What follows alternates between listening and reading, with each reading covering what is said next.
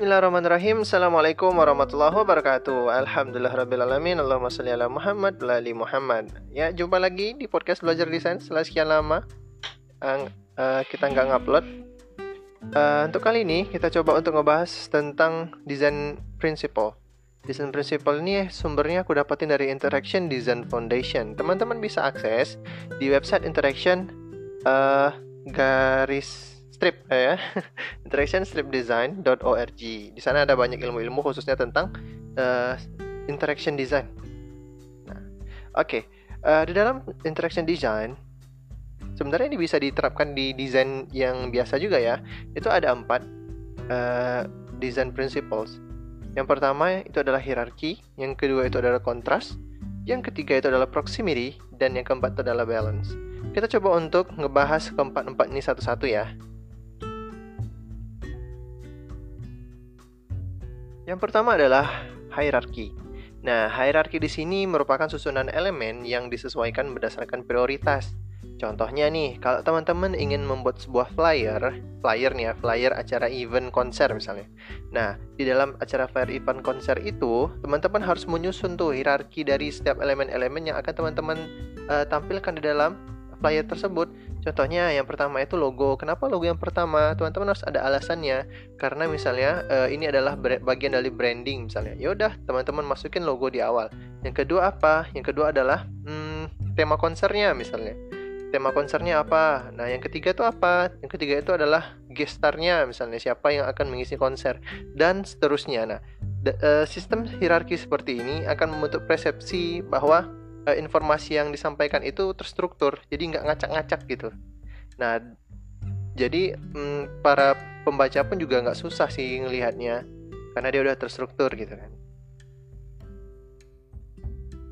Yang kedua adalah kontras. Kontras itu kata kuncinya pembeda ya. Nah berapa beda suatu elemen dengan elemen lainnya dalam sebuah uh, desain gitu. Contohnya, uh, desain juga bertujuan untuk mengalihkan kontras nih jadi kalau misalnya teman-teman sekilas melihat um, flyer tersebut, maka secara otomatis hal yang pertama teman-teman lihat itu adalah hal yang paling kontras, yang paling pop di dalam desain tersebut gitu. Nah, yang bisa membuat kontras itu meningkat apa? Teman-teman bisa um, bisa main di warna, bisa main di ukuran, bisa main di jenis elemen, dan bisa main di, di bentuk gitu. Nah, dan banyak hal nanti yang bisa kan teman-teman eksplor supaya untuk meningkatkan kontras dari elemen yang teman-teman ingin fokuskan. Contoh kasusnya nih, kalau teman-teman punya sebuah flyer produk makanan, teman-teman membuat sebuah desain marketing produk makanan. Nah, kan itu itu kan akan dibuat dulu tuh desainnya seperti apa. Nah, kalau tujuannya teman-teman untuk nge-present makanannya, ingin nunjukin nih makanannya nih. Ini nih makanannya yang yang baru nih ada menu baru ini nih makanannya. Nah yang uh, harus teman-teman kontraskan ketimbang yang lain adalah produknya. Kenapa? Karena itu adalah tujuan utama teman-teman untuk membuat um, campaign uh, campaign sosial medianya gitu. Karena teman-teman ingin memperkenalkan uh, apa namanya produk baru dari makanan teman-teman. Maka harus dikontraskan. Dengan cara apa?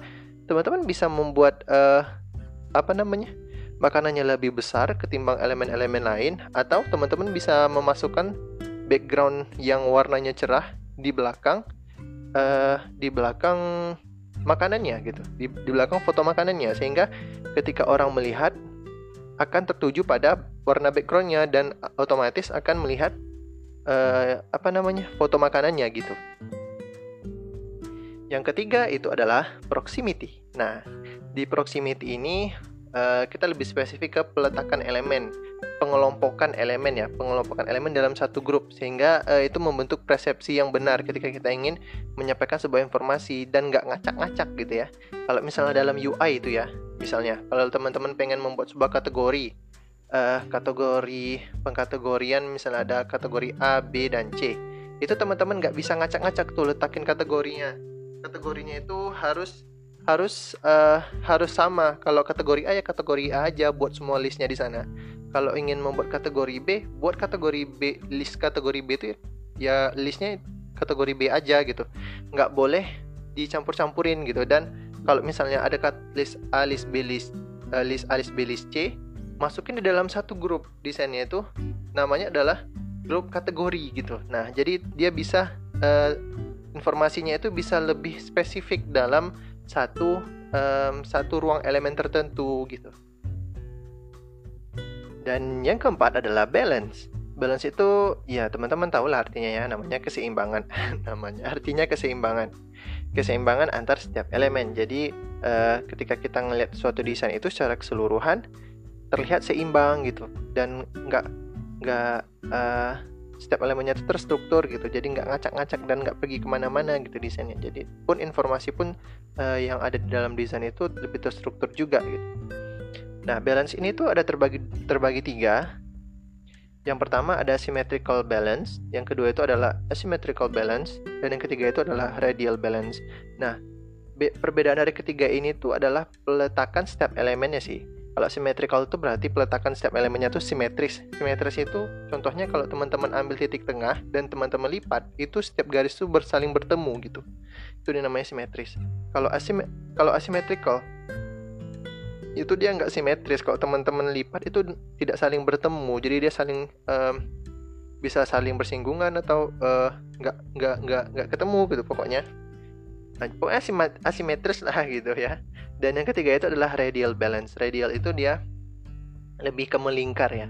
Dia struktur struktur elemennya tuh melingkar, melingkari satu elemen di melingkari uh, melingkari satu elemen tertentu gitu. Ada lingkaran di dalam lingkaran tuh ada elemen ada elemen utama misalnya kan. Ada judul misalnya. Di luarnya itu ada sub-sub judulnya gitu. Nah, berbuat dibuat seperti lingkaran.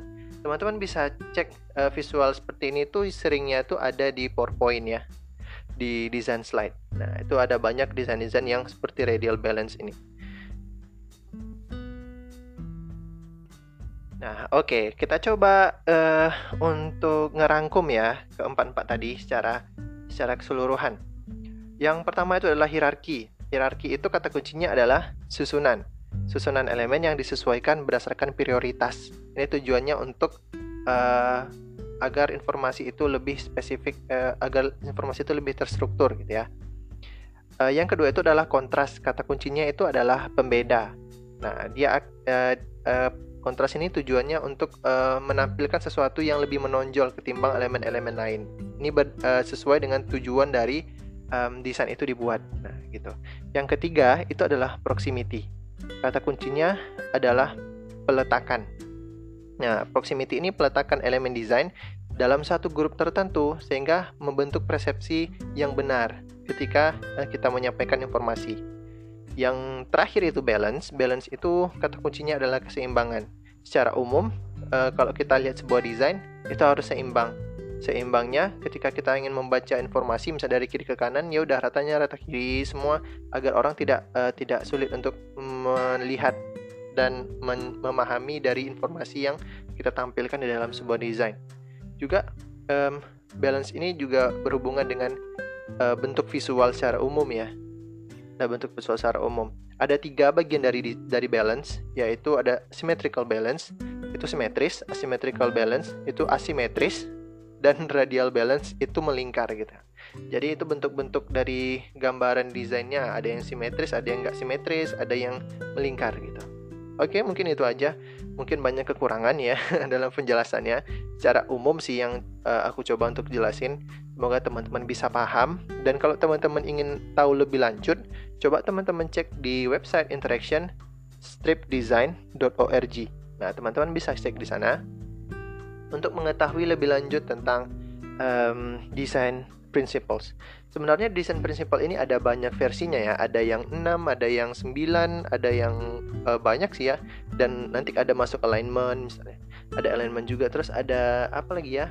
Hmm, ada pattern.